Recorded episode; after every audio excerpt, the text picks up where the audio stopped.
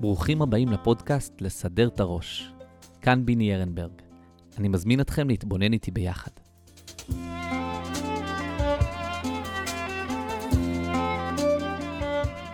יש מאמר חז"ל שלכאורה נשמע קצת תמוה.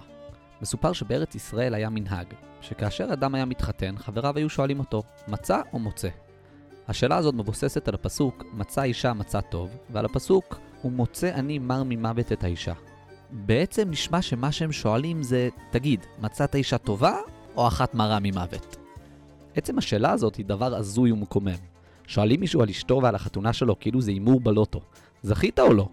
אם לא מסבירים את זה כמו שצריך, זה פשוט נשמע מוזר. אז מה באמת שואלים פה את החתן? כשקצת מתבודדים לעומק, רואים שהשאלה בכלל לא נוגעת לסוג הכלה, היא מתייחסת למה שהבחור מחפש, ובעצם מבררת האם הוא מצא אישה, או שהוא יותר בכיוון של מוצא אני. במילים אחרות, האם הגענו לחופה מתוך רצון לצאת מעצמנו, להתמסר אל הבת זוג שלנו ולהתקלל איתה, או שבשבילנו החתונה היא סתם עוד שלב בסולם המדרגות של המיצוי העצמי. צריך השכלה, צריך עבודה, וצריך גם אישה.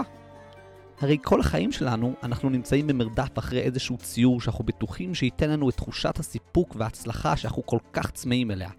ההרגשה של ניצחתי, כבשתי. אדם מגיע למקום שבו הוא מרגיש שכל מה שחסר לו עכשיו בשביל להשלים את התארים שלו זה התואר איש משפחה. וממילא כנראה שהגיע הזמן שאני אמצא לי איזו אישה טובה. אז באמת זו שאלה טובה, סוג של רצון לעורר את החתן. אתה עומד בפני רגע גדול בחיים, זה לא סתם עוד איזה הר לכבוש. שים לב מה בעצם המטרה שלך כאן. אבל אם נודה על האמת, באופן טבעי רובנו באמת מתחתנים על בסיס איזשהו אינטרס אישי. אולי הוא עדין יותר ממה שתיארנו כאן, אבל בכל זאת, לקפוץ למים העמוקים של חיי הנישואים בלי להרגיש שאני הולך לקבל מזה כלום, זה קשה. וזה בסדר, כי זה הטבע שלנו. אם זה לא היה בנוי ככה, זה פשוט לא היה קורה. אנשים לא היו מתחתנים. אבל עכשיו שאנחנו נשואים ומבינים שזה לא רק עוד תואר לקורות חיים שלנו, לא עוד וי ברשימת המשימות בדרך לחיים מאושרים, אלא משהו הרבה יותר עמוק ורציני, אנחנו מרגישים שאם אנחנו רק נצליח לצאת מעצמנו ולהתמסר לבן או לבת זוג שלנו, נגלה שזה עצם החיים המאושרים. ואז מתחילים החיי נישואים האמיתיים, מתוך רצון הדדי להתמסר כל כולי למשהו שלא אני. איפה אנחנו עוד מוצאים את התהליך הזה? בתהליך חזרה בתשובה של יהודי להשם.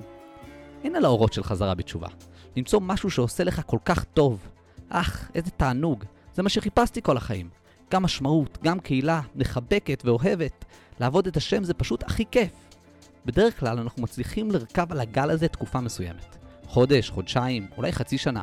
אבל בסוף נופל לנו האסימון, ואנחנו מבינים שקשר עם השם שמבוסס על תחושת הסיפוק שלי, לא שונה מכל דבר אחר שהיה לי עד עכשיו. טוב לי קפה, טוב לי הודו, וטוב לי גם לימוד או תפילה. אבל יחד עם זה, אנחנו יודעים שהיה כאן משהו אמיתי, ומרגישים בנקודה הכי פנימית שלנו שהבעיה היא לא בהשם, אלא בנו. זה לא כמו שאר הפעמים שמצאנו משהו להיתפס בו והתאכזבנו. הפעם אנחנו אלה שאכזבנו. לצערנו, לפעמים הנפילה אחרי האורות הראשונים של התשובה, כמו גם הנפילה אחרי האורות הראשונים של החתונה, היא כל כך קשה, שאנחנו לא מצליחים לזכור את הנקודה האמיתית שהרגשנו בעקבות כל הבלבול שחווינו ומה שחשבנו שאנחנו רוצים להרגיש.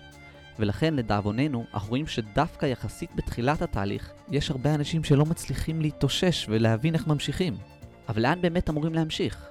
אז ממש כמו בחתונה, שמגלים שזה לא בדיוק מה שציפינו לו, ככה גם בתשובה.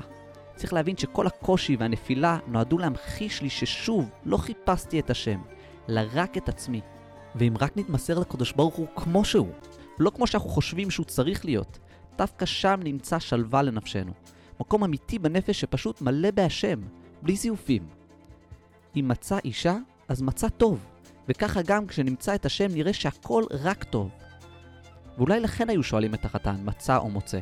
לא רק כדי לעורר אותו לבחור בנקודת המבט הנכונה, לחזק אותו ולומר לו, נכון שבהתחלה תגלה שאתה רק מוצא את עצמך, אבל דע לך שזה רק טבע ראשון, ועם התבוננות אמיתית פנימה אפשר לקחת את המוצא הזה ולהפוך אותו למצע.